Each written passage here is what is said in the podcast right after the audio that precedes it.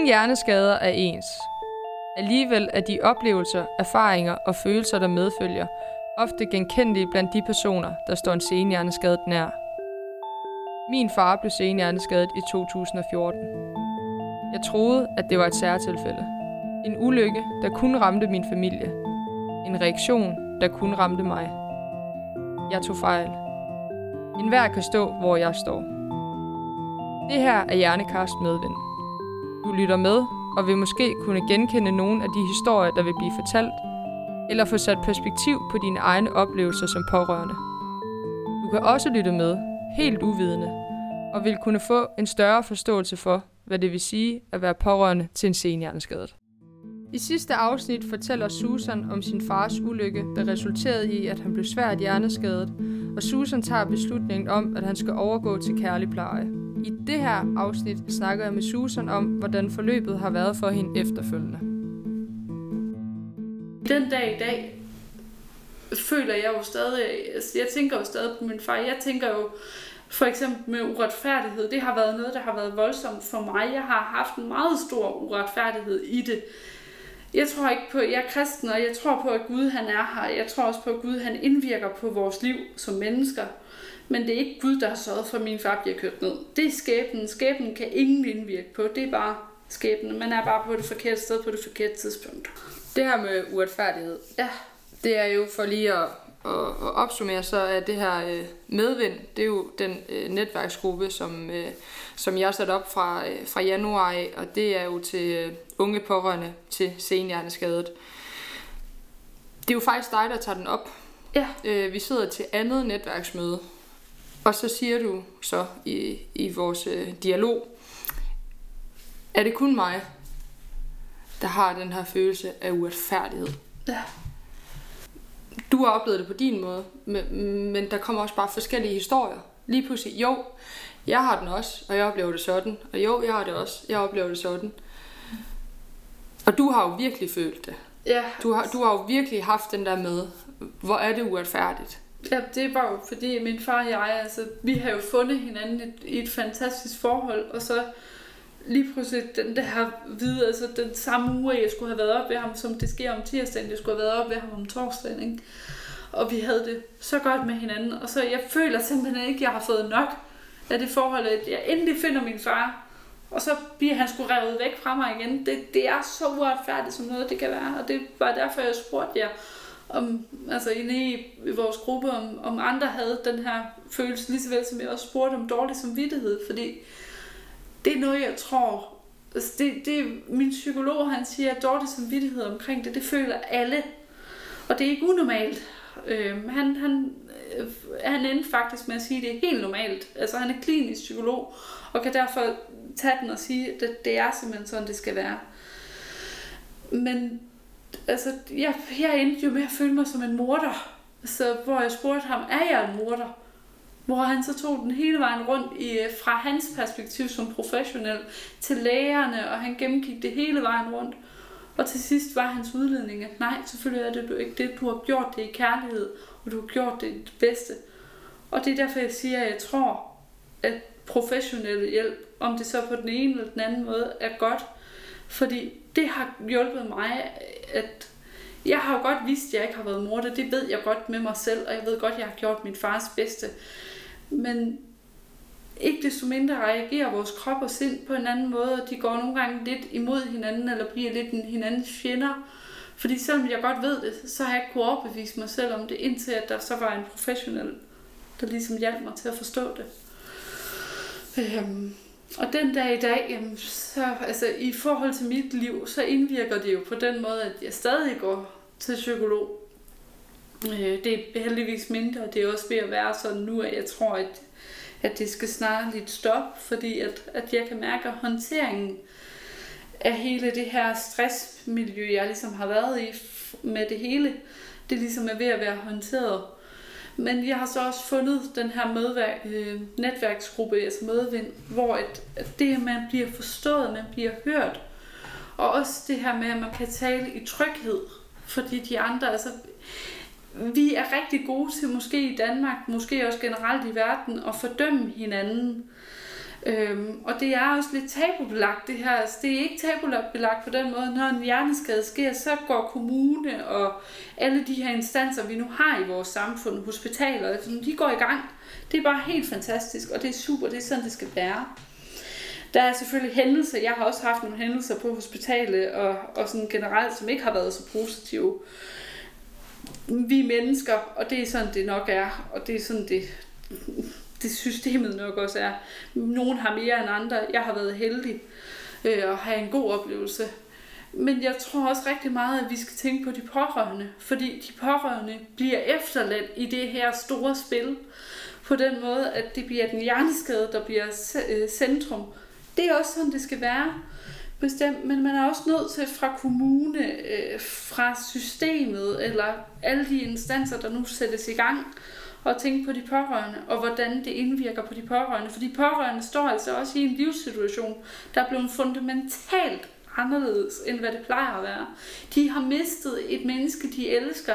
De skal til at genfinde det menneske, der nu er kommet, fordi en hjerneskade er typisk, hvis det er på frontallapperne sådan, at så ændrer personligheden sig også fra at være, altså jeg kendte min far på en måde. Han blev fuldstændig anderledes. Min far kunne godt sige fra, når han ikke brød sig om noget. Han blev mild som et lam bagefter her efter hjerneskaden og kunne ikke sige fra. Han viste det med mimik i ansigtet, men det skulle man aflæse. Og derfor tror jeg, at det er vigtigt, at, at det ligesom kommer ud. Også sågar, jeg har prøvet her for nylig, at øhm, der har været, det har været op at vende i, øh, på sociale medier. Så der har været en artikel omkring hjerneskade. Øh, det var en franskmand, ikke for at udlede, hvad, hvad det sådan handler om, men der stod nogen, altså konen stod på den ene side, for hun ville have, at han skulle dø, ligesom jeg havde tænkt. Forældrene ville lade ham leve. Og så udledte det sådan ligesom, men så kom kommentarerne, og så kom der helt vildt mange forskelligartede kommentarer med det ene budskab, det andet budskab. Og dertil skrev jeg så ligesom min historie, fordi det mindede ret meget. Han var også udsat for en trafikulykke, som resulterede i hans hjerneskade, lige min fars. Og derfor skrev jeg jo så, hvordan jeg følte, at jeg tænker, at hvis det kun er kroppen, der er tilbage som et hylster, jamen, så er der intet værdigt i det. Altså, der var intet værdigt i, at min far, han skulle sidde op på det bosted. Han kunne sidde og kigge udenfor, og det var en dejligt sted, han kom til at bo med skov ud til, at han kunne sidde og kigge på de æren, der nu måtte komme, eller dodger, der måtte komme. Hvad liv er det? Min far ville skulle have, have hjælp til alt. Altså når han så var færdig med at sidde og kigge ud af vinduet, og han skulle på toilettet, det skulle han have hjælp til. Han skulle have hjælp til mad, og han skulle have hjælp til at komme i seng. Hvor er værdigheden i det? Det kan jeg personligt ikke se. Og endnu mere vidste jeg jo, at min far heller ikke synes det var værdigt. Det var mit held. Men i relation til det med, med tabubelagt, så skriver jeg min fars historie, og hvordan jeg selv tænker det. Er, er det en kommentar? Det er en kommentar til, artiklen. til den her artikel, okay. jeg skriver det. Ja. Og så får jeg en hel masse, altså en hel masse mennesker overrøser mig med fantastiske, der er mange, der synes godt om min, øh, altså liker og hjerte og alt sådan noget til min historie eller min kommentar, ikke? Så de anerkender jo den følelse, og den anerkender den historie, jeg sidder med. Så kommer der også en hel masse kommentarer, hvor folk de skriver, ej du er bare sej, tak fordi du deler det, og, og alt sådan noget. Og så kom der jo så lige præcis, som jeg har sådan refereret til, den her med, sultede du så din far ihjel? Da jeg fik den, det var ligesom at få en spand koldt vand i hovedet. Fordi selvfølgelig gjorde jeg ikke det. Det jeg har gjort, det har jeg gjort i min fars bedste. Jeg har gjort alt, hvad jeg kunne for, at min far skulle have det godt, da jeg var værve for ham, da han stadig levede, til da han var død. Jeg har gjort alt i min fars intention. Og selvfølgelig, når du overgår til kærlig pleje, nej, vi sulter altså ikke vores patienter. Der var sågar en sygeplejerske i kommentaren. Hun gik ind direkte og skrev det fuldstændig, hvordan det er. Simpelthen for ligesom at sige, prøv lige hør her, den der med, jamen så sulter man folk. Nej, sådan er det ikke. Og det synes jeg, det var fantastisk, at hun gjorde. Og bagefter skrev jeg jo så også, fordi jeg ligesom kommenterede på det, personen havde skrevet med det her med, om jeg sultede. Nej, jeg er da ikke et ondt menneske, som jeg skrev. Og så skrev jeg jo ligesom, hvordan kærlig pleje, det, det i samråd med en læge fungerer, og hvordan du gør det. Øh, og så skrev folk jo bagefter, det var så overvældende, at jeg endte med at fortælle min mor det, og hun blev også berørt af det. Ikke? Altså, så det sidder stadig i kroppen på en. Men jeg tror også, det er vigtigt, og det er derfor, jeg gerne vil medvirke i denne her podcast, at vi får det udbredt. Det at være pårørende til en hjerneskade, det er lige så vigtigt som at arbejde med hjerneskaden selv, for den, der er blevet hjerneskadet. Der er to øh, hvad er det, forhold i det her. Der er både de pårørende, og så er der den hjerneskade. Og det er altså vigtigt, at man sætter ind over for begge dele af det her, og man ikke glemmer det. Det var også noget af det, det bosted, min far skulle ud på. De var for eksempel også, de havde det på samme måde. Jeg glemmer aldrig hende, der var leder deroppe, der hed Gitte. Hun sagde, at vi har selvfølgelig fokus på den hjerneskade, for det er dem, vi tager os af. Men vi har lige så meget fokus på de pårørende, mm. fordi de pårørende, det er dem, der sidder med, at livet det er blevet helt anderledes. Det er noget, de skal vende sig til, og alt sådan noget, ikke? Så det var simpelthen så fantastisk at fornemme, at der var en instans, der mødte dig på den måde. Og der tror jeg, jeg tror, der er et, et tabu på en eller anden måde omkring det at være pårørende til en hjerneskade, lige så vel som der sikkert er, er tabu omkring andre ting at være pårørende til. Men det er vigtigt, at vi lærer at forstå, og vi også lærer at anerkende de følelser, man sidder med som pårørende. Fordi der er ikke noget, der er rigtigt, der er ikke noget, der er forkert i det. De følelser, jeg har haft, dem kan andre nogle gange genkende. Nogle gange kan de også være sådan, de slet ikke kan genkende det. Men bare det, at de anerkender, at jeg sidder med den følelse, det at de ikke stiller sig uforstående eller fordømmende over for det, det gør bare noget. Bare det, at de lytter, det er helt fantastisk. Og det er det, du har behov for som pårørende. Jeg er jo sindssygt glad for, at du øh, opfordrer til at snakke med nogen i netværksgrupper eller pårørende grupper. Og det, det, det, det tror jeg er på baggrund af, at sådan, det gjorde jeg ikke. Altså nu det er jo fem år siden, at, at min far øh, fik sin senhjerneskade. Og jeg snakkede ikke med nogen om det. Jeg havde en, en mentor, som jeg sådan kunne dele med, men, men jeg sad ikke med nogen, der havde det her forståelsesgrundlag. Og de ting, jeg gerne vil snakke om her med min far, det får jeg meget mere ud af at snakke om med nogen, der ved, hvad jeg snakker om. Men det er også der med, at det kan være meget grænseoverskridende. Altså nu er vi jo 16 medlemmer i, i Medvind-netværket ja. her inde på Facebook-gruppen, og vi har jo siddet de her 4-5 mennesker. Og der er jo også nogen, der har skrevet til mig, jeg vil ønske, at jeg kunne komme, jeg synes, det er for grænseoverskridende, alle de her ting. Og det er jo også mega grænseoverskridende, når man sidder og skal præsentere sig selv over for andre mennesker på, på den måde. Altså, der er jo en vis sårbarhed i det, tænker jeg. Ja. Men hvor får man bare meget ud af det? Altså, jeg tror, jeg tror ikke, at jeg lyver, når jeg siger, at det er en af de bedste beslutninger, jeg har taget, da jeg vælger at samle os her nu så i Aalborg, fordi at vi forstår hinanden. Jamen, det kan jeg jo kun være med i, for jeg havde jo inden dit netværk bliver startet, der havde jeg jo lige præcis oplevet det ved det, de her to psykologstuderende, der ligesom dannede den pårørende gruppe af de 10 omgange, de skulle bruge det til deres speciale, så det var egentlig derfor, at de gjorde det. Øh, og det er generelt, at det er sådan, at der næsten altid er nogen på Aalborg øh, Universitet af de psykologstuderende, der altid gør det. Så derfor er det et tilbud, der altid bliver lavet sådan med mellemrum. Jeg har ikke selv fundet det. Jeg var heldig, at vi kom på Atropøj, og at det var hende, der var lederen deroppe, der ligesom satte mig i gang med det. For ellers, så, når du er i den situation, som du også illustrerer, så det er angstprovokerende, men jeg tror også, man er så fyldt op, at man når ikke, altså, du formår ikke selv at skal finde alle de her tilbud, der eventuelt er, for der er tilbud, altså jeg kunne sågar her for nylig, nu er jeg med på Hjerneskadens netværk, øh, det er så Facebook-gruppen, der er lavet et kursus øh, til pårørende af Maryfonden, som faktisk udbyder, hvor man kan melde sig til, og så øh, får man viden om hjerneskade, og man får også delt og, og sådan noget, og det er jo et fantastisk initiativ. Men det havde jeg ikke selv fundet ud af.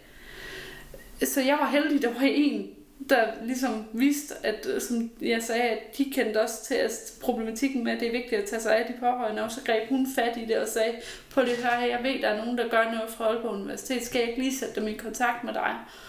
Og så kom jeg med. Og det var mit held, altså, men det var en og alene held, fordi jeg har ikke, altså, du, når du står i en situation med hjerneskade, og jeg var jo Altså nu snakker du om, du var ikke myndig, for eksempel. Det var jeg jo på det her tidspunkt. Jeg var jo langt op i mine 20'er, ikke også? Men selvom jeg var myndig, så var det hårdt, fordi i og med, at jeg var myndig, så skulle jeg lige præcis varetage nogle helt andre situationer, altså det, værve og sådan noget, så der blev kastet mange bolde imod en, som simpelthen skulle gribes, og som skulle slynges ud igen.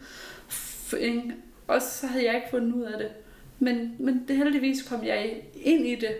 Og så også det, at det er hjerneskred. Jeg tror, det er vigtigt, at de pårørende grupper, man, man kommer ind i, passer til, til det tilfælde, man egentlig står med. Fordi hvis man lige pludselig kommer i en pårørende gruppe, hvor der er kraft, og der er hjerneskade, og der er det ene og det andet, så tror jeg, at det bliver for voldsomt, det bliver for uoverskueligt og for håndter- uhåndterbart. Og det, det, det er jeg helt enig i, fordi jeg sidder til påske med min familie, og der er der så en, der sådan sætter spørgsmålstegn ved, hvorfor har du begrænset det?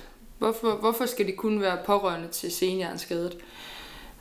Og der kan jeg bare huske, at jeg siger, jamen, fordi at der er forskellige måder at forstå på. Altså jeg vil ikke kunne sidde over, som du nu siger som eksempel, jeg vil ikke kunne sidde over for en, hvis mor er ramt af kraft, og få den der øh, connection, som jeg synes, vi har, når vi sidder i de her net- netværksgrupper med senhjerneskadet.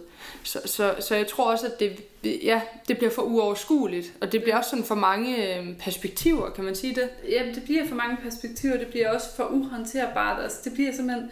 Altså, jeg ville da nok kunne forstå det, at øh, hvis der var en, der sidder og siger, at hendes mor er på vej til at skal dø af kræft, så ville jeg jo kunne sidde og sige, at jeg har selv siddet med følelsen af, at jeg viste også, min far var på vej til at skulle dø. Ikke?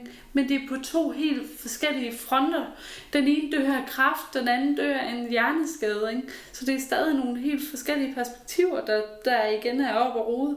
Og derfor tror jeg, det er vigtigt, at man begrænser det til, at det her faktisk, at de pårørende grupper, der bliver lavet og eksisterer, at de handler om, om et centreret emne, altså for eksempel kraft, hjerneskade, eller hvad der nu måtte være jeg siger ikke, at de andre, hvor det er flere perspektivgrupper, at det ikke kan være en god ting. Det kommer jo an på, hvordan man er som menneske. Jeg kan bare sige, at medvind for mit vedkommende, og den pårørende gruppe, jeg var i tidligere inden medvind, har været bedst, fordi det var centreret om hjerneskaden. Og også det der med, at man har fået viden om hjerneskaden. Jeg, jeg er flere omgange blevet nægtet at se min fars hjernes, øh, altså scanningsbilleder. Simpelthen fordi jeg tror, at, at sygehuspersonalet har ville skåne os for at vise, hvor, hvor voldsom hjerneskaden egentlig var.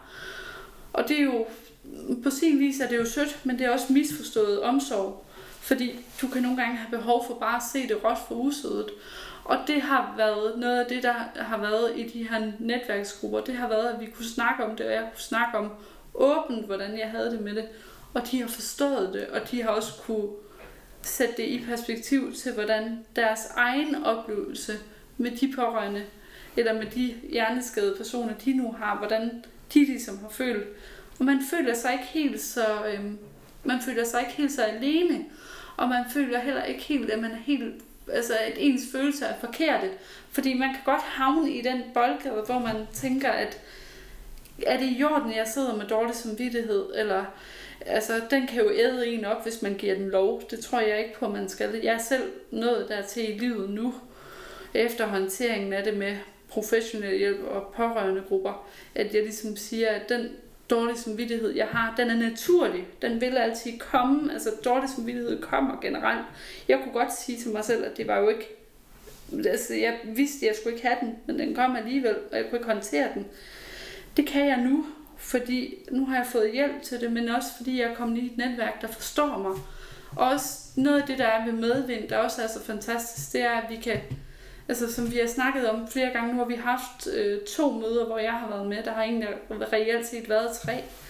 Men det her med, at det ikke det er ikke meningen med vores møder, at vi hver gang skal snakke om hjerneskaden. Det er ikke det, der er centret. Altså, hvis nu, at man har oplevet, når man har haft nogle oplevelser i det, ikke? altså man synes, ej, min far gjorde bare lige sådan her, eller min mor gjorde lige sådan, eller hvad der nu lige måtte være i det, og man bare har brug for at læse det af, så læser man det af.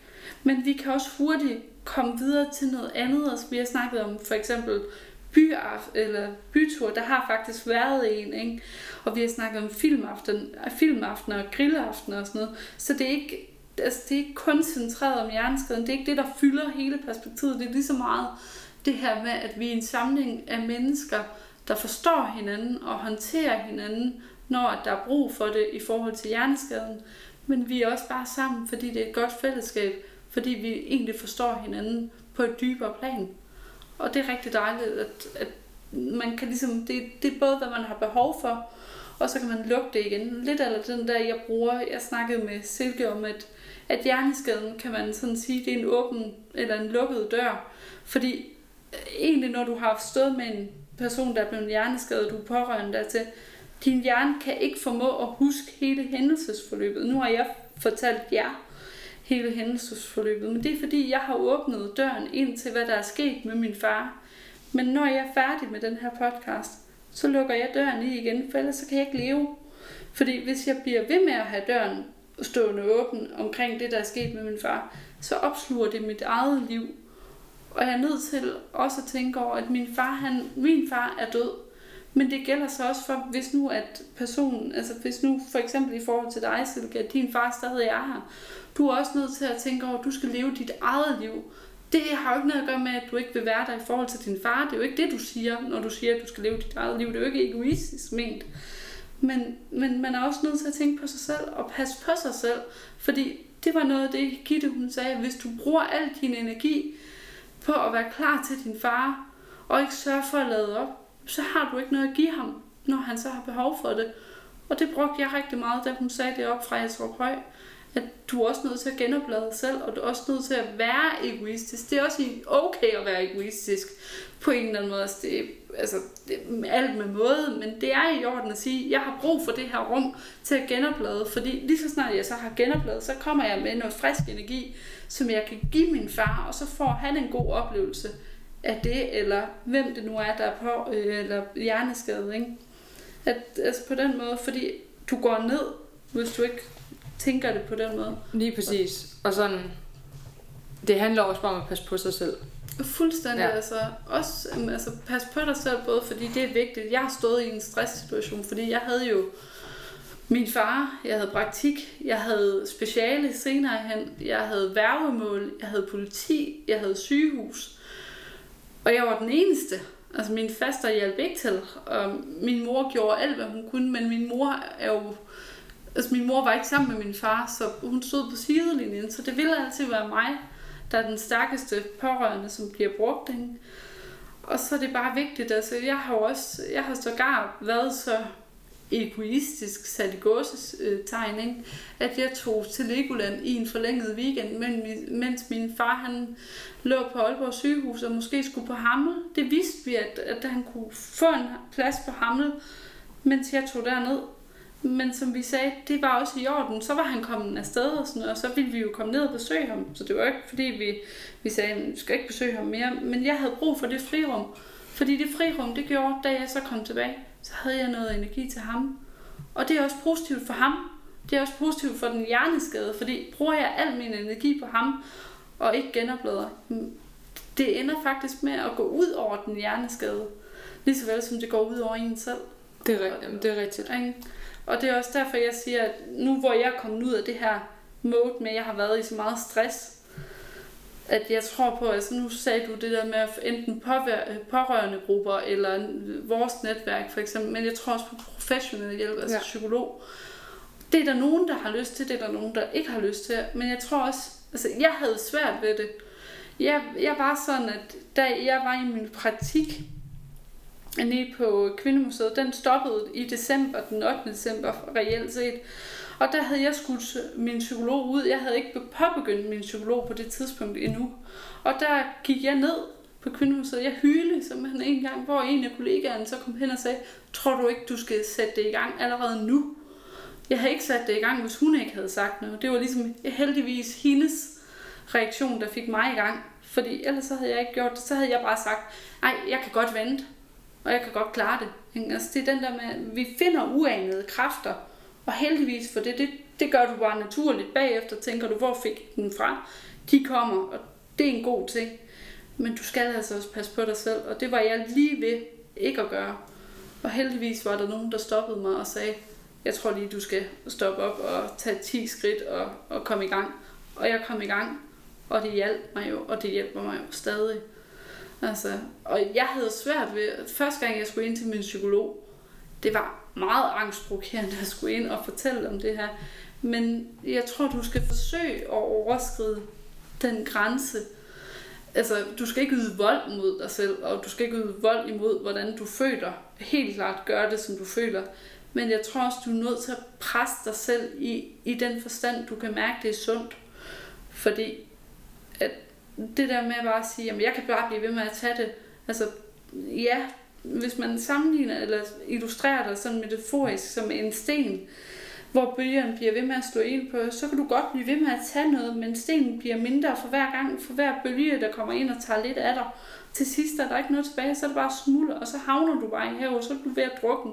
Så det er vigtigt, at du stopper op, inden at det billede det sker, og gør noget for dig selv, som gør, at du kan håndtere det, og som gør, at du også har det godt. Fordi det er lige så vigtigt, at du har det godt, som den hjerneskade har det godt i det. Så det tror jeg egentlig, det, det er det, jeg vil give videre som inspiration. Og så, så skal du også, altså jeg tror også, det er en sund ting, at man bruger venner og, og familie. Altså jeg brugte jo min, min ekskæreste reelt set rigtig meget. Han var fantastisk i starten af det.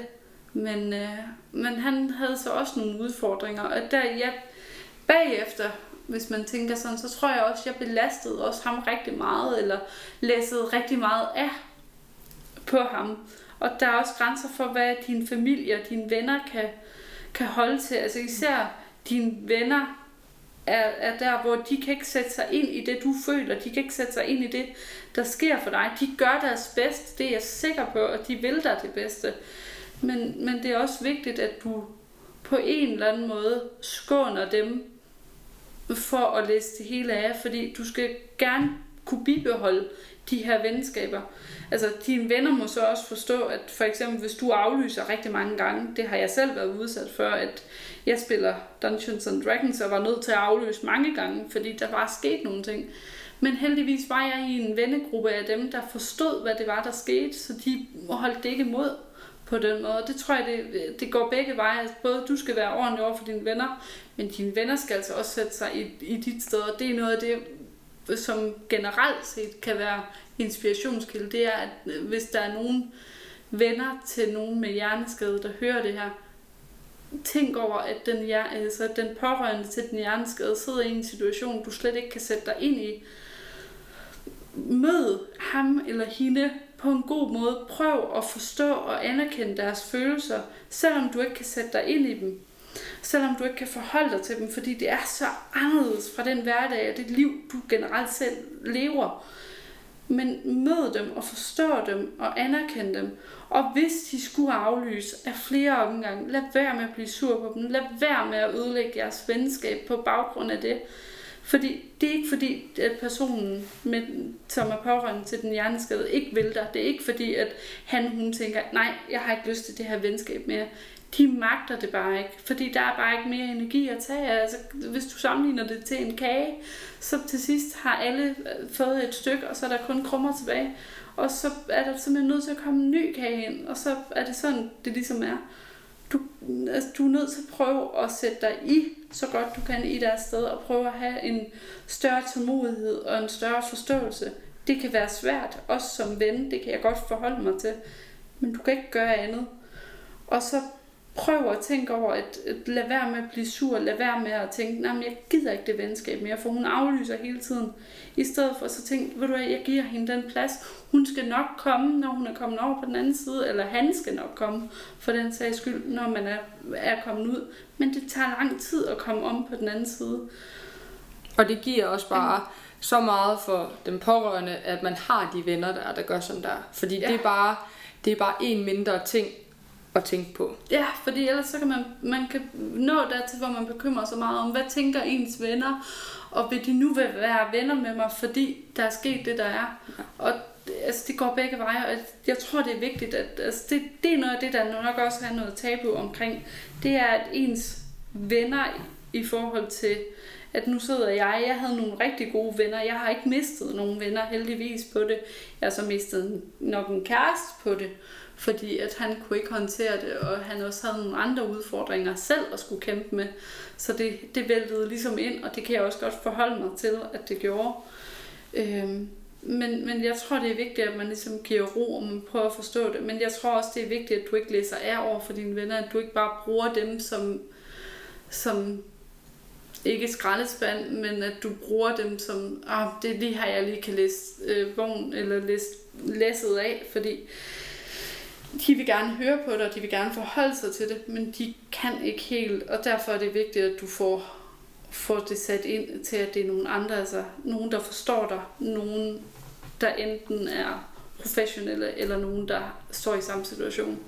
For det giver noget helt andet. De, altså, dine venner kan være gode, og selvfølgelig siger jeg ikke, at du ikke skal bruge dine venner, men, men det er sådan en balancegang, og det kan være en svær balancegang, men du kan altså godt formå at, at finde den, så du både håndterer dig selv, og håndterer dig selv på den måde, du har behov for, men at du også håndterer sådan, at dine venner ikke føler, at de bliver udnyttet, eller at de ikke, altså at de ikke får den der følelse af, det kan også være en magtesløshed nogle gange fra dine venner, fordi de simpelthen ikke ved, hvordan de skal hjælpe dig. Jeg tror, at dine venner generelt vil dig det bedste i situationen, og vil gøre alt for dig, men de ved ikke, hvordan de skal hjælpe dig, fordi du står et helt andet sted, end hvad de selv gør. Og hvad griber du så fat i? Du prøver så godt du kan. Og det kan jo også være hårdt for dem at føle den her magtesløshed. Så, så det, måske det nogle gange er lidt en... Altså hvis der sker en hjerneskade, øh, ved, for eksempel nu hvor det skete med min far, at jeg så måske havde snakket med mine venner om, øh, I, som det var sket. Hvad er det, I kan forholde jer til, jeg læser af over for jer? Altså, hvor, hvor er jeres grænse i forhold til det? Fordi så vidste jeg ligesom, hvor er grænsen, og hvad skal jeg tage med af, af det, jeg så har brug for at læse af til de andre grupper, eller de andre professionelle. Så overskrider man ikke hinandens grænser. Det, det tror jeg, det er det vigtigste. Jeg tror, du har fuldstændig ret. Altså, det skulle nødt være sådan, at man mister venner på det. Igen, det er bare en mere ting at se til. Susan. Jeg, jeg er helt overvældet, kan jeg mærke. Altså, øh, jeg synes, du er super stærk. Både i din fortælling og, øh, og den her måde at håndtere det på. Øh, og det her med, der er ikke en rigtig måde at håndtere det på. Men, men der, der er ting, du kan gøre for dig selv. Mm. Og det er vigtigt, at du gør ting for dig selv. Det er det, og det er også vigtigt, at du anerkender de følelser, du har. Der er ingen følelser, der er forkerte. Altså, det, det kan godt være, at de udadtil for dig virker forkerte, men det er vigtigt at forstå, at det er de ikke. Du må gerne føle det ene, du må gerne føle det andet. Det, det er helt naturligt, ja. og det skal, nok, det skal nok vende på et tidspunkt. Det bliver aldrig normalt, fordi du har oplevet noget, der er så tragisk, at det sætter dybe, dybe spor. Men du lærer at leve med det, og du lærer at håndtere det. Og det er det, der, det er, det, der er essensen af det her. Jeg tror, at livet går videre, så som, som jeg altid tænker, at man siger, at tiden læger alle sår. Det tror jeg ikke rigtigt på. Men jeg siger til gengæld i stedet for, at tiden lærer ikke alle sår, men andre ting presser sig på. Og det er nok det, der gør, at du kommer videre. Det er ligesom jeg også, jeg lever også efter meget efter devisen, at du har en fortid, du har en du kan lære af din fortid, fordi den har du, og den skal du også bruge. Så har du nutiden, den former du selv. Og så har du fremtiden, den kan du indvirke på. Og det, det tror jeg, det er, sådan, det er sådan det, at når dit liv bliver fundamentalt anderledes, så er du nødt til at tage det i din egen hånd og prøve at, at forme det på den måde, der er bedst for dig. Og for den hjerneskade også, hvis at, at de stadig er i live eller for mit tilfælde ikke er her mere, så er jeg nødt til at forme det, så jeg har det godt og har nogle gode relationer til at tænke tilbage på min far. Og med de ord, Susan, så, øh, så vil jeg sige af hjertet tusind, tusind tak, fordi du, øh, du har fortalt din historie. Og fortalt, hvordan man prøver at komme over det og komme videre. Jamen tak, fordi jeg måtte give den. Denne podcast er lavet i samarbejde med Hjerneskadeforeningen. Jens Michael Østergaard er klipper og komponist. Mit navn er Silke Møller Nielsen, og jeg er vært og tilrettelægger på Hjernekast Medvind.